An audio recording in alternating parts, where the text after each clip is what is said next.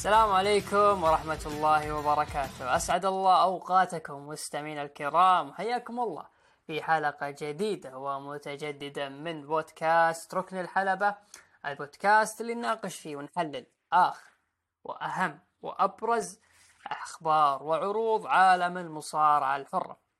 هذه الحلقة 190 190 ما بقى شيء على ال 200 راح يكون إن شاء الله من اللحظات الجميلة أنه بودكاست ركن الحلبة يصل إلى الحلقة رقم 200 ف شيء جميل صراحة.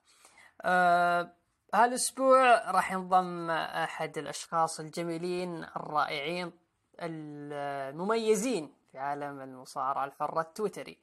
وهذه ما هو أول ظهور له في ركن الحلبة لكن هو أول ظهور له كممبر أو Ring Corner Podcast حبيبنا عمر The Viper مساك الله بكل خير يا عمر.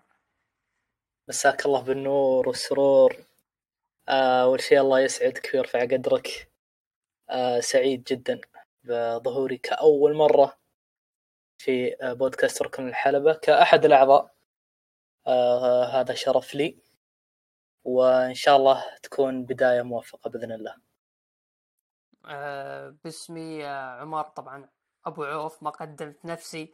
آه يعني المعروف لا يعرف ترى يطول عمرك. باسمي وباسم الشباب كلهم سعيدين بتواجدك معنا ومتمنين لنا لنا ولك إن شاء الله التوفيق في قادم الأيام. آه عمر آه الآن كأس أمم آسيا اقتربت آه من الأدوار الإقصائية. كيف شايف المنتخب اللي ولله الحمد ضمن التأهل؟ بعد مستوى خلينا نقول ركيك. صراحة مستوى كان ركيك وكان مفروض آخر مباراة تطلع بنتيجة أفضل من اللي طلعت. لكن بشكل عام كيف شفت البطولة؟ آه، المستويات؟ آه، هل شفت مباريات غير عن مباريات المنتخب ولا لا؟ التزمت بمباريات المنتخب.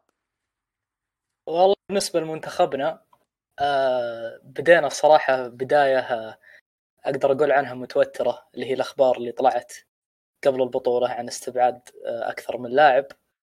فاللاعبين دخلوا يعني معنويات نقدر نقول متوترة. بس الحمد لله عدت على خير فزنا في مباراتين. المستوى الصراحه ما عجبني.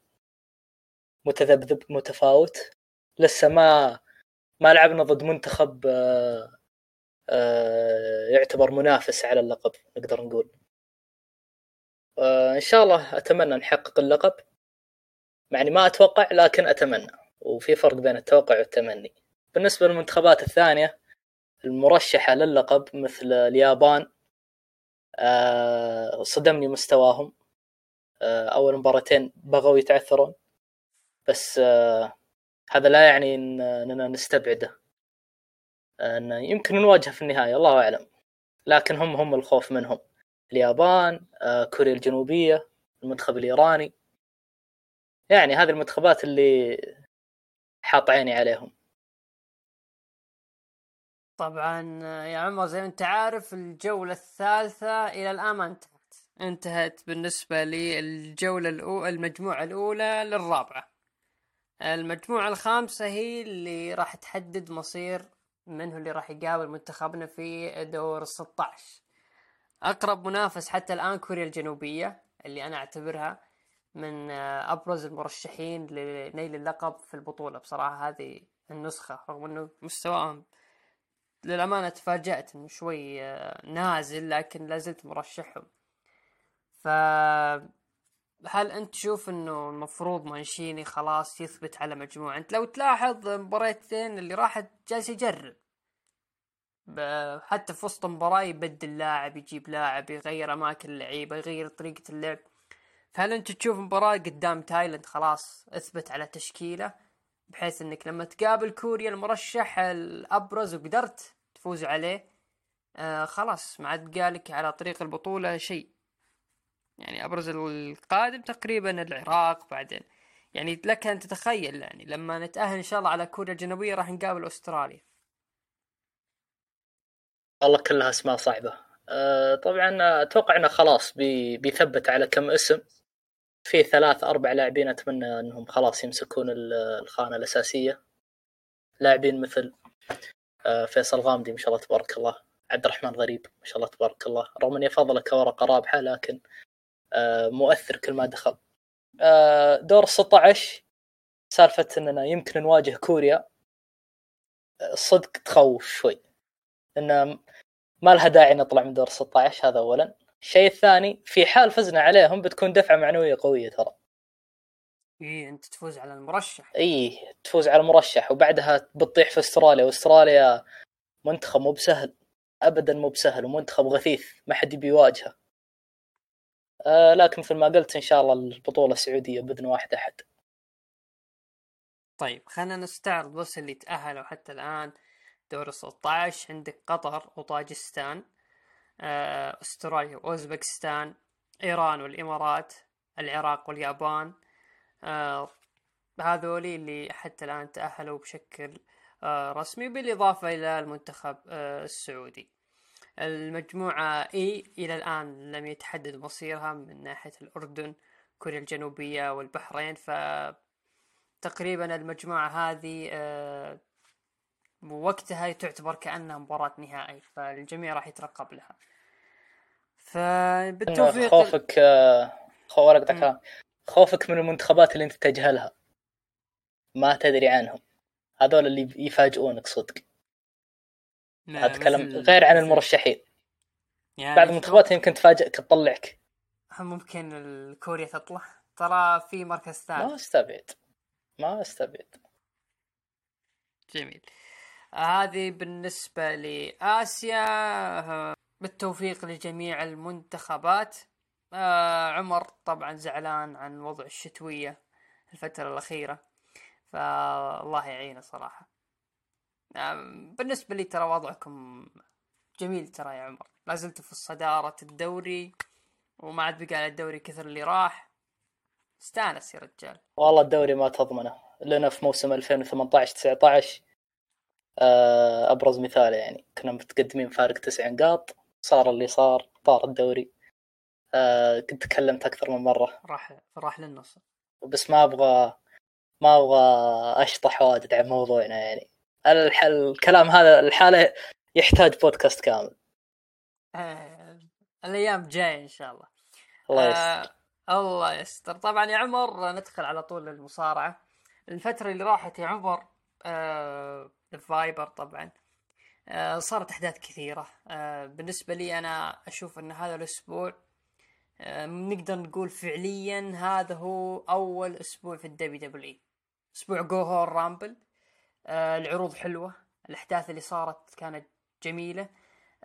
صار في ترقب إيش يصير في موضوع سيث رولنز هل هو بيشارك ما يشارك. وبعد ما انتهى عرض ال Raw صارت أيضا أشياء كبيرة صراحة. نبدأ أول شيء بالأخبار اللي صارت الفترة الماضية مع إعلان اتحاد New Japan Pro Wrestling. رحيل أبرز نجومهم وواجهتهم كازوتشيكا أوكادا. آه راح يلعب مبارياته الختامية في New Japan في تاريخ 25 آه يناير. آه بالنسبة آه لأقرب يعني الترشيحات إنه توقيع اوكادا نسبة كبيرة راح يروح ل WWE. في خبر هنا يقول لك إن أوكادا فعلا هو قريب في ال WWE لكن ما راح يبدأ في ال WW مباشرة أو في الميرور في ال main roster راح يبدأ في NXT. راح يبدأ يشق طريقة في NXT و NXT حاليا مو مثل NXT. آه، زمان نتحدث عن 2018 و17 و19 يعني كان أي نجم خارج WW ما عنده مشكلة يبدأ في NXT فترة بعدين يدخل لل main roster. لكن بشكل عام يا عمر أنت مهتم يعني لك اهتمام في New Japan. تقدر آه تقول مستجد على الموضوع يعني لسه ما عندي إلمام كامل بس آه من الأشياء اللي أعرفها آه عقده راح ينتهي يوم 31 يناير. لكن نزاله الختامي راح يكون ضد آه، هيروشي تاناهاشي 11 فبراير. ففي ناس متوقع إنه بيجي في ال Rumble هذه من الحين نقفلها. 11 فبراير ما راح يطلع في 25 أي. بس إيش؟ آه سالفة وين راح يتجه أوكادا بعد New Japan؟ والله ما أدري. ممكن WW ممكن AEW ما أستبعد. آه، لكن اللي أستبعده تماما إنه يجي بانكس تي مستحيل ما ما أقدر أتصور كازوتشيكا أوكادا ب NXT صعبة صعبة جدا.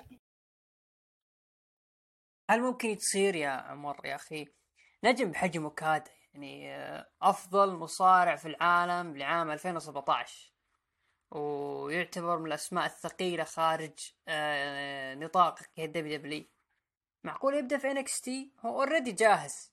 ما يحتاج يبدأ يكون نفسه يكون شعبية. هو عنده شعبية من أساسه. فإذا طلع في ال WWE آه، أكيد راح main eventer جاهز. بالضبط. بس main eventer جاهز؟ إلا إذا بصير له مثل ما صار لناكامورا عاد. عادي. الله أعلم. أنت سبقتني هذا اللي مخوف أغلب الناس ترى. خايفين يصير له ما صار مع ناكامورا عشان كذا يبون يجي في NXT يلطف الأجواء شوي بعدين يدخل على ال roster لكن أنا أشوف إنه صراحة حرام. حرام تبدأ في اوكادا في NXT.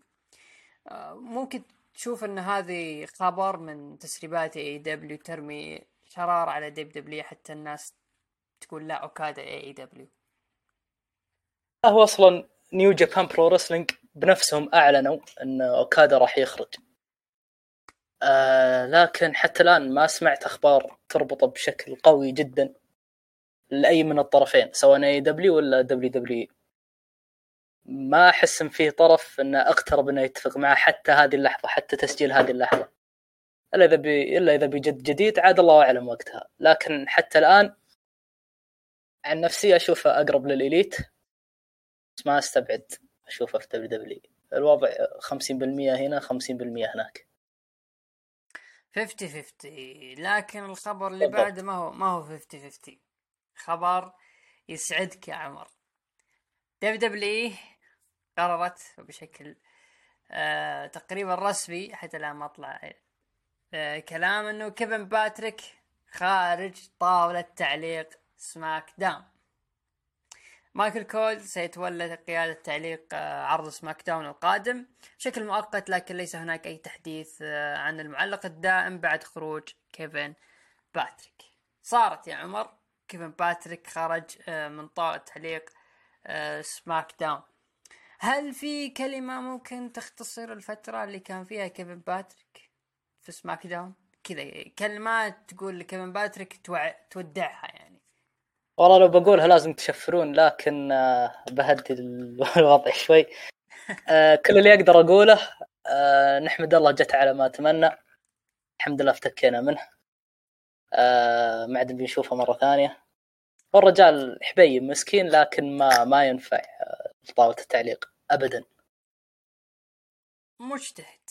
اجتهاد لكن خوفك يكون العوض فيك جوزيف اللي في NXT. ما سمعتك زين ترى. آه خوفك يكون عوض آه كيفن باتريك. فيك جوزيف اللي في NXT. قصدك يحطونه في NXT؟ لا لا يكون في SmackDown. مكان كيفن باتريك قصد قصدك كيفن باتريك يسحبونه من سماك يودونه ل NXT؟ لا لا فيك جوزيف فيك جوزيف. آه فيك جوزيف. إيه عادي ما عندي مشكلة. ودوا SmackDown. ينفع مع كوري جريفز. والله ما أدري. أنا م... وصلت لمرحلة عادي يحطون أي واحد. أهم شيء ما أسمع كيفن باتريك طاوله التعليق. إيه، ما عندك مشكلة يجيبون عمر كيف. ما ما فرقت معي ابدا. حط أي واحد. أهم شيء نفتك. طيب. آه طبعا الخبر اللي بعده طبعا هذا الشيء بالشيء يذكر آه بس أنا نجيب طاريها اللي هي موضوع اليوتيوب. آه نزلنا الفترة الأخيرة طور ال GM mode آه منافسة بيني وبين أبو داحم. آه روحوا شيك عليها على قناتنا في ركن الحلبة. آه بشكل رسمي يتصدر غلاف لعبة دبليو دبليو 2 كي 2024 هو the American Nightmare كودي رودز كودي رودز آه هو البطل آه الغلاف آه، بنفس الوقت آه، أعلنت WWE عن نسخ آه، جديدة في هذه السنة. نسخة خاصة راح تكون في خمسة مارس راح يكون فيها داستي رودز ستاردست وبيلي جراهام.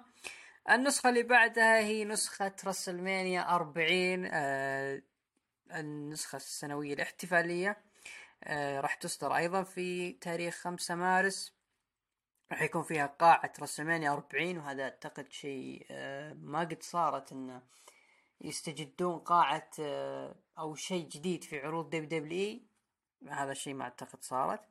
راندي سافج ب gear WrestleMania 6 ري ميستيريو ب gear 22 Triple H ب gear WrestleMania 30 شارلوت فلير ب gear 33 وريا ريبلي 36 آه، واللعبة راح تصدر في تاريخ 8 مارس. آه، في أخبار إنه طور ال showcase راح يكون آه، عبارة عن مثل اللي صار قبل عشر سنوات. رود تو راسلمانيا أو 40 سنة من راسلمانيا لكن للأسف أعلنوا إنه راح يكون في 21 مباراة فقط. عمر أه بحكم أه معرفتك في الأطوار هل تشوف انه ظلم إن 40 سنة من راسلمانيا فيه مباريات كثيرة جميلة رائعة؟ هل تشوف انه ظلم 21 مباراة تختصرها في طور ولا تشوف أن المسألة علشان حقوق أنه في بعض المصارعين خارج أسوار WWE ما قدروا يضيفونهم في اللعبة بسبب الحقوق؟ زي مثلا مباراة آه ثلاثية في WrestleMania 17 Dudley Boyz وايج وكريستيان وال Hardy Boyz كان ودهم يضيفونهم لكن بسبب الحقوق. قد سووها في آه، قبل عشر سنوات 2K14 أول ما نزلت اللعبة. كانوا حاطين 30 آه، عام من WrestleMania ومن كل نسخة من WrestleMania يحطون لك مباراة أو ثنتين وإن كثروا ثلاث مباريات. آه فيه مباريات مهمة بس إنها غير موجودة. يعني بعطيك واحدة على سبيل المثال والسبب واضح يعني ما يحتاج. اللي هو لما كريس بنوا أخذ لقب ال World Heavyweight Champion لا عاد هذا اي هذه راح يطول وين؟ ف هذا تحطه في GTA ما تحطه في آه، فعلا. بيسوونها مرة ثانية. ما مثل ما قلت أنت أه الموضوع فيه حقوق. الموضوع يمكن فيه مشاكل قانونية أو شيء زي كذا. وبعدين صعبة تحط لي 40 سنة من WrestleMania تستحلي فيها كل المباريات. آه يعني بتنزل النسخة الجاية وانت لسه ما خلصت. فاللي أتوقعها يمكن آه يعطونك main event كل سنة ولا مثلا آه آه مباريات مهمة مشهورة يعني. آه أتوقع نفس نظام 2K14 آه تلعب نزال مثلا يحطون لك أهداف معينة جوا اللعبة نفسها لما تسويها يحول لك cutscene عشان تعيش جو النزال. نفس نفس نظام 2K14 اللهم عشر سنوات زيادة بس. توقع ينجح الطور؟ والله ما أدري. إذا نزل وقتها نحكم. بس اللي عاجبني في الموضوع إنه اللعبة بتنزل على جميع المنصات. Xbox 1 PlayStation 4 Series X Xbox Series X PS 5 ال PC آه اللي عاجبني بعد فيه آه الإضافات الجديدة اللي حطوها. آه طبعا مكتوب هنا قدامي انه راح يكون فيه أكثر من 200 مصارع. راح يكون فيه آه اللي هو أنواع مباريات آه جديدة. آه مثلا تقدر تلعب كحكم تنفع أنت وأخوياك مثلا. في عندك آه نزال الإسعاف في عندك نزال التابوت وفي عندك ال Gauntlet. ال Gauntlet اللي مثلا يدخلون اثنين يتثبت واحد يدخل اللي بعده وهكذا. بالإضافة إلى النزالات اللي موجودة من أول يعني زي ال War Games وال Extreme Rules وطاقتها. أيضا من بعض الأشياء اللي آه، أضافوها الهواشات اللي تكون آه، خلف الكواليس ال backstage brawl صار يمديك آه، مثلا فيه مصعد تقدر تستخدم مصعد تقدر تستخدم المكاين حقت البيبسي عرفت هذيك القديمة اللي تدخل ريال يطلع لك بيبسي. بعد تمسك العلبة ترميها على خصمك. يعني أشياء حلوة جديدة. آه أيضا فيها ال gameplay نفسه. آه مثلا إذا عندك مصارع تبي تحط له signature و finisher تقدر تزيدها إلى خمس finisher ات مختلفة. خمس signature ات مختلفة. وهكذا. يعني. آه الكاميرا بعد. يمديك وث... أثناء اللعب تقدر تغير زاو... زاوية التصوير. هذا شيء أنا أشوفه آه راح يفرق كثير. آه بالإضافة إلى باقي المودات. أنا الصراحة حاجة كان ودي إنها تكون موجودة أو من زمان أتمناها اللي هي سالفة ال custom storylines هذه كانت موجودة في النسخ القديمة آخر مرة كانت موجودة في 2014 مم. تفتح أنت ال community creations تلقى ناس مسوين قصص تجي أنت تحمل القصة وتلعبها. كنت أتمنى يكون هذا آه، الطور موجود لأنها إيش مشكلة ألعاب WW السنوات الأخيرة؟ تشتري اللعبة وأنت متحمس بعد شهرين خلاص يطفى الحماس. آه. ما, ما في شيء ثاني من تسوي. أول جلسة يا رجال مو من, من أول جلسة من بعد أول جلسة. مجرد تخلص التختيم اللي موجود تطفى خلاص ما في شيء تسوي. أذكر قد هذا اللي عندي تناق- بخصوص اللعبة. أذكر قد تناقشناها أنا ويا آه، الغالي سيفا تحية له في آه، مساحة الحلبة. آه، تكلم عن موضوع آه، الصناعة وترتيب القصص. قال إنه في بعض الأحيان تكون في آه، جانب آه، قانوني وشي زي كذا فعشان كذا ما حطوه. بالإضافة إلى شغلة القصة آه، تاخذ منهم جهد أكثر. لكن بالنسبة لي يعني الإضافات اللي أنت قلتها صراحة تحمس الواحد إنه يلعبها. يعني يجرب زي مثلا Gauntlet أعتقد ما قد صارت. سالفة ال- ال- ال- الخلف الكواليس برضو حلوة. أتوقع الدفن الحي موجودة ما خاب ظني. أو إنهم استبدلوها بالتابوت. ال cas- ال casket. بس إيه، التابوت. إيه،. الدفن الحي لسه ما جابوها. آه، الحكم آه، طالبوا فيها الناس كثير ورجعوها. فشيء جميل صراحة الإضافات اللي قدموها هذه السنة وإن شاء الله إن الجزء ينجح إن شاء الله. بإذن الله أنا متفائل صراحة. أيوه ما يلومك يعني. الجزء اللي راح كان سينا البطل فخلاص أضمن النجاح السنوات الجاية. طيب على طاري النجاح السنوات الجاية خ- خبر كبير صراحة ومهم آه، تفاجأنا فيه عقب نهاية عرض ال Raw يا عمر.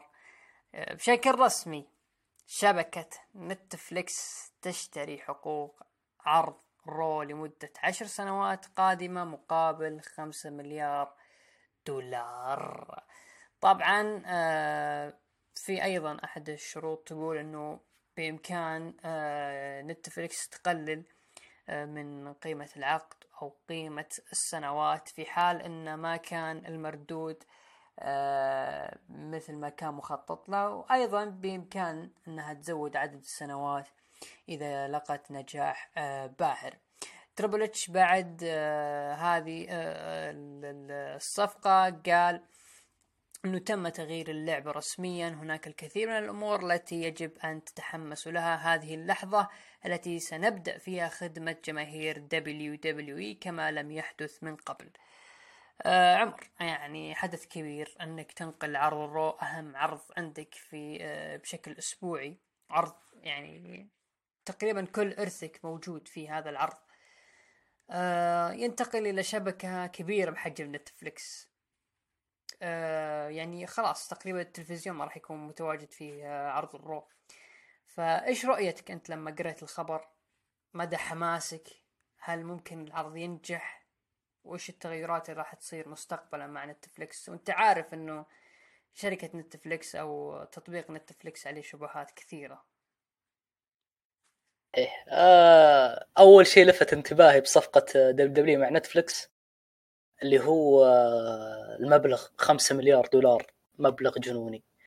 آه فيه تساؤلات كثير صراحة في بالي. يعني مثلا آه أنا ما أدري إذا قد صارت من قبل ولا لا بس عرض مباشر أنا ما قد شفت شيء مباشر على نتفلكس هذا سؤال. الشيء الثاني آه اللهم صل وسلم على رسول الله. الإعلانات كيف راح يكون وضعها؟ راح تكون بإعلانات؟ ما راح تكون بإعلانات.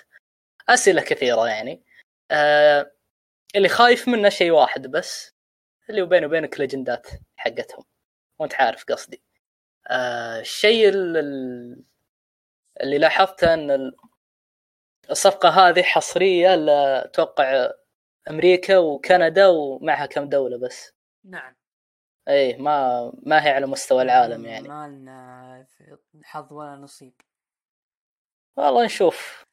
نشوف أنا وقتها لكل حادث حديث يعني لا جاء سنة 2025 آه، يصير خير وقتها. لكن مبدئيا آه، متفائل بالصفقة. آه، ونشوف. نشوف. أنا والله خايف إذا تبي الصدق والله. متفائل خايف بنفس الوقت. لكن أنا... الله يستر. أنا ضحكني أحد الأجانب قال بنسطر حقين المصارعة إذا ارتفع سعر اشتراك نتفلكس الله يستر. لأن ما حد خرب نتفلكس من ناحية الأسعار إلا المصارعجية ترى. يعني The Rock يعتبر فيلمه آه، اللي في نتفليكس أعلى فيلم تكلفة في تاريخ الشبكة وأعتقد خرجوا منه خسارة. عشان كذا رفعوا سعر الاشتراك. فهم خايفين. اللي اللي أعلنوا عنه ب Survivor Series قبل سنة مدري سنتين. أتوقع 2021 اي اللي كان فيه بيضة ذهبية أعطاه Austin Theory وصارت مع فينس وذا. لا يكون ذاك الفيلم. اللي أتوقع اسمه زي السولية الحمراء شيء زي كذا Red ما أدري وش آه ريد نوت صح صح صح Red Notice تذكرت. إيه هو هو. يعتبر أعلى فيلم آه تكلفة في تاريخ إنتاجات نتفليكس. ف... أصلا أنا مستغرب هل في أحد يعني مع احترامي يعني م. بالنسبة للمستمعين عندي تساؤل هل في أحد فعلا يتابع أفلام The Rock؟ إيه. أكيد. محبين Fast Furious مستغرب صراحة. يا أخي أحس كل افلامها نفس الأدوار نفس كل شيء ما ما في تجديد.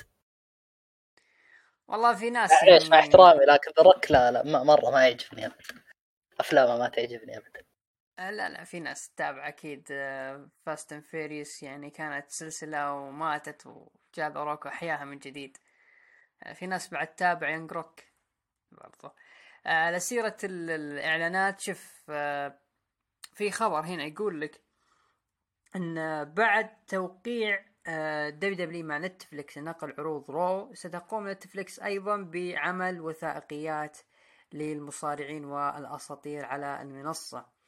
آه لو تذكر يا عمر لما كانت العروض تصير على ال network أو حتى الآن عروض WWE الشهرية عشان تبث على ال network تلاحظ إن الإعلانات خاصة بال network يعني منتجات WWE أشياء مثلا آه، وثائقيات برامج.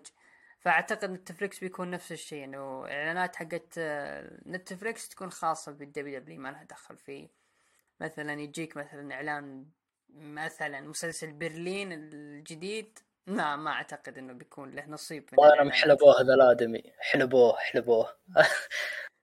آه بالنسبة على طاري نتفلكس آه أنا ترى أنا أحب وثائقياتهم. فإن كانوا بيسوون وثائقيات عن ال WWE أنا أضمن لك بيكون شغلهم ترى ممتاز. أنا انت متأكد من ذا الشيء 100% انت تذكر قد سووا وثائقي مع فينس لكن وقفوه بسبب المشاكل اللي صارت معه. القضية ذيك إيه. آه القضية. تتوقع يرجعونه ولا؟ والله ما أدري. صراحة والله ما أدري. 5 مليار. والله مبلغ مجنون. والله مبلغ مرة مجنون. أوكي. آه... إن شاء الله زي ما قال عمر حتى الآن ما في شيء واضح إيش ممكن يصير لكن أنا بالنسبة لي شيء كبير صراحة القرار هذا. آه إنك تبتعد عن USA اللي لك أنت وياها عمر وتدخل يعني منصات الرقميه آه بسوق مثل نتفليكس هذا الرقم يعني شيء ضخم صراحة وشيء كبير جدا جدا. يعني من الأشياء اللي ممكن تصير زي ما قلت يا عمر أو أنا غردت في تويتر اللي هو إكس حاليا آه، موضوع التصنيف ممكن يتغير موضوع آه، آه، اللي هو Raw ممكن يتحول ساعتين. تذكر إنه مقابلة Triple H مع اوستن جاء طاري نتفليكس إنه ممكن يكون في شراكة. بنفس الوقت قال إنه Raw المفروض يكون ساعتين ما يكون ثلاث ساعات. فممكن يتغير الوضع في Raw ما اتمنى ذا الشيء صراحة. أيوه اذكر بس دامك تس... جبت طاري ولا أقرأ عوارضك لا دامك جبت جبت طاري الكلام حق Triple H اللي يقول تم تغيير اللعبة رسميا ومن الكلام. أيوة. أنا ملاحظ على Triple H حاجة. الرجال نصاب. معليش. الرجال نصاب. ألاحظ فيه ذا الشيء. ليه؟ تصاريحه ما مستحيل أصدقه. ما ابي استعجل مثل ما قلت لك ما ابي استعجل ف لا هذا التصريح ننتظر. تصدقه فيه؟ ونشوف. ما ما أثق فيهم والله ما أثق فيهم. أنا ما أثق إلا إذا شفته على أرض الواقع. وقتها أقول أوكي الرجال صادق. لكن. مبدئيا أنا اشوفها بياع كلام. لا شوف دام نتكلم إنه اللعبة تغيرت فهو صادق. يعني في البداية إن موضوع المصارعة بدأت تتغير طريقة آه، أسلوبها وإخراجها إنه بدل ما تكون منحصر على التلفزيون انها تدخل المنصات الرقمية زي نتفليكس وهذه الأشياء. تذكر ترى قد طلع إن أمازون برايم ممكن دخل في الخط لكن أعتقد نتفليكس رفعوا المبلغ. آه بنفس الشيء قال نبدأ خدمة جماهير ال WWE كما لم يحدث من قبل. ما أدري إيش يقصد بخدمة WWE يعني أنت already عندك WWE Network فأنت مدلع جماهير ال WWE بالخدمة عندك يعني زي ما تفضل. آه network فيها يعني إرث WWE كامل أو المكتبة. فهل ممكن إنه نشوف جزء من المكتبة يعرض في نتفليكس؟ يعني مثلا تعرف نتفليكس تستأجر من المنتجين آه مثلا برامج مسلسلات عروض ويحطونها عندهم في الشبكة. فممكن ممكن يصير مثلا في أشخاص مثلا ما ما تتابع مصارعة أبدا قاطعة لكن تقول ما صعب إني أشترك في مثلا آه منصات WWE وأنا أصلا ما راح أتابع إلا بس عشان برنامج ولا برنامجين أو إرث WWE فممكن ممكن Triple H قال خلنا ندمج المشروعين والمجالين التمثيل ونعطيهم كذا برنامج بحيث إنه اللي يتابعون Netflix يتعل... يشوفون المصارعة أه هل هي فعلا تمثيل تبن ولا طبعا معليش يعني على اللفظ لكن أه لا. هل في شيء ينشاف؟ هل في شيء مرة تعيس؟ مثل ما نشوف إن الناس تقول إن المصارعة شيء مو كويس. فنفس الشيء يعني هي تطوير من ناحية الخدمة وفي نفس الوقت ترويج. لك يا WWE لكن على قولتك كنت ودك تشوفها على أرض الواقع أفضل الزبدة أن على طاري كذبات ترى اشتراها واجد. بعطيك مثالين على السريع. سالفة ال draft. draft قال راح يكون أضخم draft ومدري إيش ومن ذا الكلام. ما كمل حتى أسبوعين أو حتى ثلاثة. الشيء الثاني المؤتمر الصحفي حق Night of Champions قال إن هذا العرض يعتبر من أكثر العروض اللي خلصت التذاكر حقتها بسرعة. لعلمك ترى التذاكر ما خلصت إلا قبل العرض بساعات. اشترتها منصات مختلفة وقاموا يوزعونها. هذه بس مثالين بسيطة هو شوف أنا ملاحظ عليه بالذات موضوع العروض الشهرية يكبر منها واجد. هذا عرض أكثر عرض مشاهدة في التاريخ. هذا أكثر لقطة يعني انت شفته في عرض ال Raw قالوا انه عرض لقطة لوغان بول مع ريكوشي تعتبر هي أكثر لقطة مشاهدة في تاريخ ال Rumble كلقطة.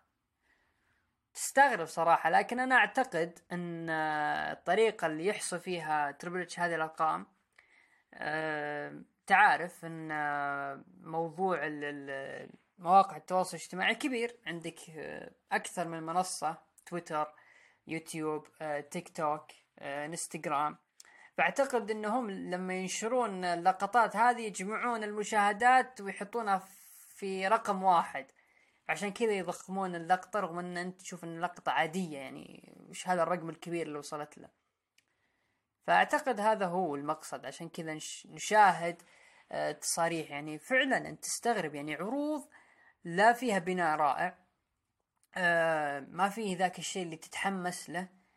ما عرض ممكن يطلع بشكل حلو مو بحلو ما تدري إيش يصير في العرض. بعض الأحيان يكون العروض ممله لكن تستغرب لما ينتهي العرض يقول لك والله هذا أكثر عرض مشاهدة في التاريخ. هذا أكثر عرض حقق أرباح في تاريخ إرث العرض. هذا يدلك إنه ال WWE تستخدم عروضها ك market كمنتجات يعني SmackDown منتج. يفرق عن Raw WrestleMania منتج يفرق عن SummerSlam مو إنه مثلا WrestleMania ك من عروض WWE إنها بشكل عام لا كل عرض لحاله له شغله الخاص. فهمت علي؟ أعتقد هي كلها في الأخير business يعني. إيه هذه هي. آه على طاري يوم إنك تكلمت على لقطة ريكوشي لوجن بول في ال Royal Rumble النسخة الماضية. إيه شيكت هنا على اليوتيوب أشوف المقطع اللي هم نزلوه. آه هم شلون حسبوها؟ قالوا 34 مليون social engagement آه اللي هو حسبوا جميع المنصات المشاهدات من جميع المنصات إيه. فعلا هم حسبوها كذا. فلذلك تشوف بعض الأحيان زي ما قلت لك أرقام مضخمة لكنها في الحقيقة يعني تحس إنها عادية جدا. فلكن يلو آه، يمون أبو الشباب دام إنه يقدم لنا شيء رائع. يعني الله أكبر يا فينس وشطحاته. عموما على طاري فينس حبيب فينس آه والله. ذا روك صار عضو اشتقت شطحات فينس. آه، اشتقت لماكس دوبري وبوتش. لا جندر ماهول بطل WWE ولقب 24 7 وخزعبلات ذاك اشتقت جندر ماهول اخذ لقب WWE على راندي يا عمر. فدا يا رجال. وبين وبينك على طاري جندر اقسم بالله اني زعلت يوم خسر من سث صاحي انت. والله اني زعلت قسم ورب الكعبة زعلت. كنت ماخذ الموضوع طقطقه وادري إنه ما راح يفوز بس حزت بخاطري يا أخي. شكلك ماكل آه، صالونة تربيان مع فلفل وجنبها كاري. يا أخي شلون جبت الأفكار ذي؟ هذه أفكار لا. لا والله اشتقت الشطحات ذي لا والله فكنا مني رجال آخر سنتين تعبانة تحديدا رامبل 22 هذا ما أدري كيف مر. آه 22 ليس 20 22 والخزعبلات اللي صارت. عموما يا عمر لا نضيع وقت أكثر من اللي ضاع. آه كانت هذه أخبارنا. نروح ل SmackDown. SmackDown اللي يقيم في أتلانتا جورجيا مدينة جولدبرغ آه بدأ العرض بدخول ال Bloodline للقاعة. طبعا جيمي رحب برومان رينز وقال كيف رحلتك؟ لكن رومان قال يا حكيم اللي هو بول هيمن وش قلت لك أنا؟ قلت آه قال بول هيمن آه إنك تحل مشكلتي. قال رومان هل حليت المشكلة؟ قال لا. وس عشان كذا أنا موجود هنا. لكن فجأة طلع سولو سيكوا وقال أنا راح أحل آه، المشكلة اللي صارت. وأعتقد انه يقصد آه، راندي أورتن والشيء اللي جالس يصير في SmackDown. بعدها فقرة توقيع آه، عقد نزال لقب WWE Universal. لقب الكوني في مباراة رباعية في مهرجان Royal Rumble. طبعا بدأ بتواجد نيك ألدس على الحلبة. طبعا رحب بالمصارعين. بداية دخل إي جي ستايلز دخل إي جي ووقع العقد. برضو آه، بعده دخل إل إي نايت ووقع على العقد. وبعدها راندي أورتن ووقع طبعا بعدها قدم رومان رينز. الجمهور آه، ينتظر رومان رينز رافعين ذا الإصبع تقل يتشهدون لكن دخل بول هيمن. وقال my name is بول هيمن أنا موجود هنا بسبب إنه العقد اللي أنتم وقعتوا عليه يا النجوم ما وصل لرومان رينز ولا أمدانا نعرضه على محامي. لذلك رومان رينز ما راح يوقع هذا العقد. قال نيك ألدس آه okay. ما عندنا مشكلة. آه دام إنه عندنا ثلاث توقيع فراح نخلي المباراة على لقب العالم الوزن اللقب الكون يكون مباراة ثلاثية بين راندي أورتون واي جي ستايلز وال اي نايت. طبعا دخل بول هيمن آه راح لنيك ألدس وقال أنا يا نيك مهتم فيك بصراحة وبالعمل اللي جالس تقوم فيه كمدير لسماك داون. وأنت شكلك آه، ما شاء الله جميل مع هذه البدلة اللي تشبه بدلتي. لكن ما تقدر هذه الطريقة إنك تمررها لمجلس الإدارة أو حتى لجماهير أتلانتا اللي موجودين هنا. فكيف تبغى تمررها لرومان رينز بعدها ال اي نايت سكت بول هيمن وقال إنه ترى أبناء عمومة رومان رينز ساعدوه في كراون جول والمفروض إني يعني أنا أنتصر في ذيك المباراة لذلك هذه المباراة تعتبر rematch لي. أه لكن رد عليه ستايلز إن البلود لاين حاولوا إنهاء مسيرتي ولكن أنت خسرت في مباراتك يا نايت فليش تأخذ rematch السبب إنك محظوظ إنهم عطوك فرصة لوجودك في هذه المباراة. طبعا وقتها كان اي جي معصب وجالس يرفع صوته على ال اي نايت فال اي نايت قال اخفض صوتك انت جالس تتكلم معي. ف قال ستايلز تدري إحنا كويس إن مو راح كلنا راح نتجالد أو نتصارع مع شخص واحد كلنا راح نكون ضد بعض. قال ال نايت okay.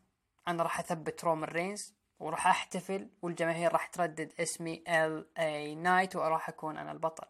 ستايلز بعدها هاجم ال اي نايت وجالدوا وضاربوا ووصلوا لخارج الحلبة وفرقوهم الحكام. راندي أورتن بيده الكريمة راح حط مسك الكرافتة حقت بول هيمن وقال شوف الليلة أنا بهزم سولو سيكوا وراح أرسل رسالة لرومان رينز بأكثر ثلاث حروف مدمرة في الرياضة الترفيهية آر كي أو. كيف شفت ال segment يا عمر؟ كافتتاحية عرض سماك داون؟ اللي يعتبر تقريبا هذا هو ال go home. صحيح إنه في الأسبوع الجاي راح يكون في سماك داون لكن بالنسبة لي أنا أشوف هذا go home سماك داون للرامبل كيف شفت الافتتاحية؟ شفت الافتتاحية مناسبة صدق. مثل ما قلت تكملة للبناء. عجبني في البداية على طول مجرد ما دخلوا وقعوا على العقود سريع سريع ما يبغون يضيعون وقت. آه عاجبني شخصية نيك ألدس ك آه مدير عرض سماك داون. آه لو تلاحظ صداماته كثيرة. سواء مع بول هيمن ولا البلود لاين بشكل عام يعني. ممكن هذه تفتح باب بعدين. آه ممكن نشوف مستقبلا إذا نيك ألدس راح يشارك. صراحة ودي أشوفه مع رومان رينز الصدق آه فقرة حلوة. آه رفع ال hype لا أكثر. آه الشيء اللي خايف منه شيء وحيد بس. إذا جاء وقت النزال أشوف راندي أورتن يتثبت. هذا كابوسي. غير عن كذا مثل ما قلت مجرد فقرة عادية لرفع ال hype. آه بإذن الله إذا جاء وقت النزال ما عندي مشكلة ستايلز ولا نايت يتثبت. طبعا هو نايت اللي راح يتثبت بإذن الله. لكن أهم شيء عندي راندي لا يمس. سلامتكم. الله يسلمك. ما تلاحظ إن البرومو هذا أعاد شيء من ال اي نايت اللي صار السنة الماضية والشغل اللي قدمه. لأنه هو وقف مع اي جي ستايلز وكأن الدبليو دبليو رمت هذه العداوة إنه بعد ما تنتهي مباراة الرامبل ويتثبت ال اي نايت يروح ال اي ل أو اي جي يروح لال اي نايت ويقول أنت السبب اللي خليتنا نخسر ألقابنا ضد رومان رينز فأنا جاي أبى أنتقم وبعد ما أخلصك ممكن آخذ فرصتي بعدين مع رومان رينز. فأنا أشوف إنها حركة حلوة صراحة. تفتح باب إنه يمكن إننا نشوف نزال بين ستايلز و LA Knight آه في راس يمكن. طبعا مع احترامي ل LA Knight والشعبيته اللي اكتسبها الفترة الأخيرة لكن كمصارع بالنسبة لي أشوفه أقل من عادي. معلش لا حد يزعل لكن هذا اللي أنا أشوفه قدامي. برز أي معلش وهو برز في وقت آه ما كان فيه نجوم آه كثار. تمام؟ فهو استغل الفرصة. الرجال متمكن. ويحق له. ويحق له طبعا. اشتغل وتعب على نفسه. آه الرجال أوفر مع الجمهور. لكن لما جو النجوم الحقيقيين أمثال راندي أورتن ستايلز يوم رجع آه سي آم بانك تلاحظ أن آه انسحبت الأضواء من LA Knight آه الطريقة الوحيدة اللي ممكن أشوف انه ما يطيح الزخم حقه دخله في عداوة مع ستايلز العائد. ستايلز ما أدري ليش أنا للحين أحس انه ضايع. حتى مع شخصيته الجديدة أحس إنه لا زال ضايع. فالله لا هنا ينبطح لنايت ما أعرف الفترة الجاية يعني. مع نايت ولا ضده لكن خلف الكواليس ألعب استاذ- فيكم أنا أستاذ معصب وقابل نيك ألدس خلف الكواليس قال أبغى LA Knight الليلة في مباراة. وافق نيك ألدس. آه بعدها شفنا مباراة ال LWO ضد آه Legado del Fantasma اللي هم سانتوس اسكوبار وانخيل آه جارزا وهمبرتو طبعا انتهت المباراة بفوز Legado del Fantasma. آه خلف الكواليس بوبي لاشي و Street Profits يهددون عصابة آه كارين كروس مع ال AOP آه ال Pretty Deadly في مقابلة قبل مباراتهم مع بوتش وتايلر بيت قالوا إن درسنا خصومنا الجدد اللي هم تايلر بيت وبوتش ولذلك إحنا جاهزين لهم. دخلوا ال Pretty Deadly آه مروقين والحياة طيبة. بعدها دخل تايلر بيت. الجمهور هنا حس إنه يا رب ال... يا رب إنه الأشياء اللي صارت أسبوع الأسابيع الماضية وال teasing تتحقق. وبالفعل دقت موسيقى بيت دن عاد بيت دن آه من جديد ال Bruiserweight وانضم لجانب تايلر بيت اللي لعبوا ضد ال Pretty Deadly. وانتهت المباراة بانتصار تايلر بيت وبيت دن آه عودا حميدا دن أنا أشوف إن أخيرا ممكن يكون هذا هو الظهور الأول حقيقي لبيت آه لكن في البداية بسألك عن آه الثنائيته مع آه تايلر بيت خصوصا إنه تايلر بيت هذه أول سنة له في ال main roster أو أول ظهور له. آه بجانبه بيت دن هل تشوف إنه قادرين يقدمون شغل حلو الفترة القادمة كون إنهم tag team خصوصا إنه بيت دان يعني لما تحطه مع الفرق اللي زي كذا اللي شاطحة بدون أي بناء آه، يطلع منه شيء حلو. شفناها مع آه، مع ريدل لما كانوا في NXT مدى سعادتك بعودة بيت دان ال Bruiserweight. آه طبيعي أكيد آه كشخص تابعت آه NXT UK على بداياته. بالذات أول ما سوى tournament عام 2017 سعيد إني شفت بيت دن رجع. متأكد إنه ومتامل إنه إن شاء الله راح يقدم شيء مع تايلر بيت. لكن آه السؤال هنا لو تتذكر بيت دن كان مع شيمس. وشيمس مختفي له فترة. ممكن الفترة القادمة خلنا نقول بعد ال Royal Rumble من الأشياء اللي ودي أشوفها ودي أشوف شيمس يرجع ودي أشوف وش راح يسوي مع بيت دن وتايلور بيت. عرفت؟ يعني مثلا يرجع شيمس يقول أنتم خربتوا العصابة حقتي آه، يتهاوش مع تايلور بيت. آه، شيء من هذا القبيل يعني. هذا اللي أنا أتمنى أشوفه الفترة الجاية. ودي أشوف شيمس آه، يدخل على الخط مع تايلور بيت. بيت دن. متأكد راح نشوف شيء كويس من عندهم. شوف ال Brawling Brutes ال- ال- نهاية العصابة غريبة. ما كذا فجأة غير واضحة صح. ريج هولاند آه، أول شيء شيمس غاب بعد آه، أعتقد مباراته مع إيج في SmackDown. اختفى شيمس. آه، ريج هولاند راح ل NXT. بقى بيت دان لحاله في العروض الرئيسية. فأعتقد إن آه، هم جابوا تايلر بيت. ما أعتقد بيركزون عليه في NXT. فحطوه مع بيت دان لعل وعسى آه، يكون يكونون ثنائية حلوة يعني. هم جربوا آه، ثنائية بريطانية في عروض ال WW ال Brawling Brutes الجمهور حبها. فممكن يعني يكررون التجربة مع تايلر بيت وبيت دن هي ما جت من عبث ترى اللي هي سالفة انفصال ال- انفصال ريج هولاند عن آه، Butch سابقا. ما جت من- عبث. آه، في حلقات SmackDown الماضية كان فيه آه، إشكالات فيما بينهم عدم اتفاق نقدر نسميها. بس ما شفنا لحظة فيها انقلاب حقيقي فهمت قصدي؟ إيه علشان كذا أغلب الجمهور ضايع. وأنا ما ألومهم على ذا الشيء. آه، فعلا طريقة غريبة. شيمس لازم يكون له دور في الموضوع. آه، خصوصا انه الطريق إلى WrestleMania. على طاري شيمس ودي أفتح معك هذا الموضوع. أه ما تلاحظ إن ال Brawling Brutes العصابة هذه إعادة إحياء مسيرة شيمس من جديد؟ يعني شيمس أنا من سنوات طويلة ما دخل مزاجي صراحة ولا اقتنعت فيه من فترة طويلة.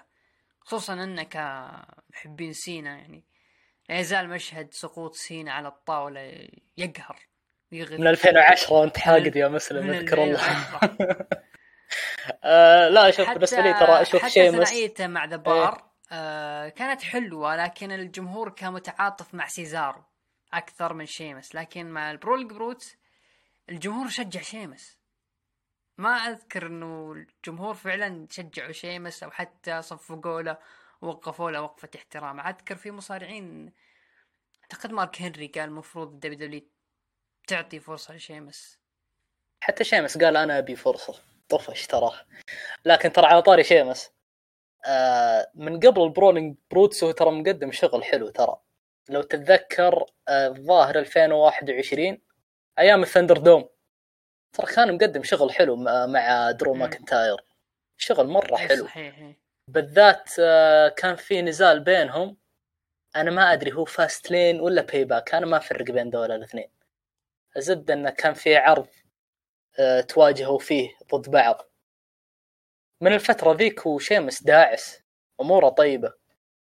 من قبل حتى ال Brawling Brutes. بالعكس أنا أحس ال Brawling Brutes ساحبينه شوي لورا. الله. إي نعم. ما أدري كلامي زعل على لكن. آه أنا أبي شيمس يرجع الفترة الجاية. اشتقت له الصدق. ترى في احتمالية يرجع بالأغنية القديمة Written in My Face والله أغنية جميلة أغنية حلوة. آه أحسن من الخايسة ذي الجديدة. طين طين آه كيفن أونز show المقدم كيفن أونز ضيفه هو بطل الولايات المتحدة لوغن بول. قدم كيفن أونز لوغن بول آه دخل لوغن آه لوغن قال أنا ادين لك كيفن اونز بالشكر. قال كيفن اونز ليش؟ قال شوف أنا عندي مقطع. طلع المقطع آه من WrestleMania 37 عام 2021 لما كيفن اونز عطى stunner للوغان بول.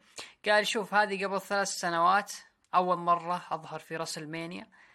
لكن هذه اللحظة خلت ال WWE أه توقع معي. لذلك أي نجاح أنا آه، جالس احققه الآن في WW ترى يعد لك الفضل يا كيفن اونز كيفن اونز قال أنا ما أذكر صراحة إيش صار وقتها لكن ترى أنت وقتها host في العرض.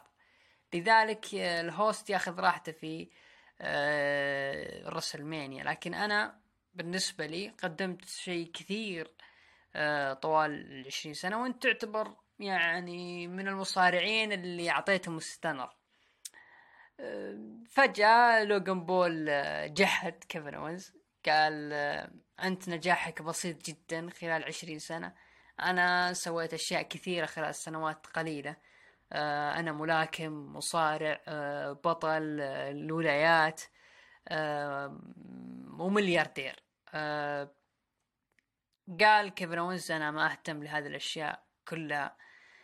والسبب إنك لازلت بطل لقب الولايات. لأنك محمي. وأنت يعني استغليت كل الأدوات المتاحة لك آه، حتى تصل إلى آه، هذا اللقب. لأنه وصولك إلى هذا اللقب إلى الآن في ال Rumble آه، مضحك صراحة. قال لوجن شوف إذا أنت تتهمني إني أنا جالس أستخدم أو جالس يعني أستفيد من الأدوات اللي حولي ترى أنت حاط bandage أنا بالنسبة لي أعتبر هذا أداة راح تستخدمها ضدي في ال Royal Rumble. قال okay ما عندي مشكلة آه، أشيل ال bandage هذه. فجاه لوجن بول هاجم كيفن اونز كيفن اونز عصب آه، حاول يجلد لوجن بول وسيطر عليه تقريبا. آه، البرومو هذا تقريبا يا عمر الشيء اللي نقدر نقول ال WW وقعت فيه لوجن بول وأعطتها آه، أو حطت ثقتها فيه. انه مستفز. تقريبا قدر يستفز الجمهور قدر يستفز إحنا كمتابعين خلف الشاشات. انه هذا نجم أخذ آه، أكبر من حجمه أخذ فرص. يعني كيفن أونز قال أنت آه، لوغان بول صحيح لكن كمصارع أنت ما أنت كيفن أونز ولست سامي زين. فايش رأيك في البرومو صراحة والتقديم اللي صار في الفقرة هذه؟ ما أقول إلا الله يفكنا منه. بصراحة مرة ماني مهتم ولا طقيت لهم خبر. لكن آه النزال حقهم آه اللي راح يكون في عرض الرويال رامبل آه ينفع إذا تبي تروح تسوي لك شاهي. تروح تفطر وترجع تريح. ما هو سالفة إنك تنتظر هذا النزال علشان تشوفه.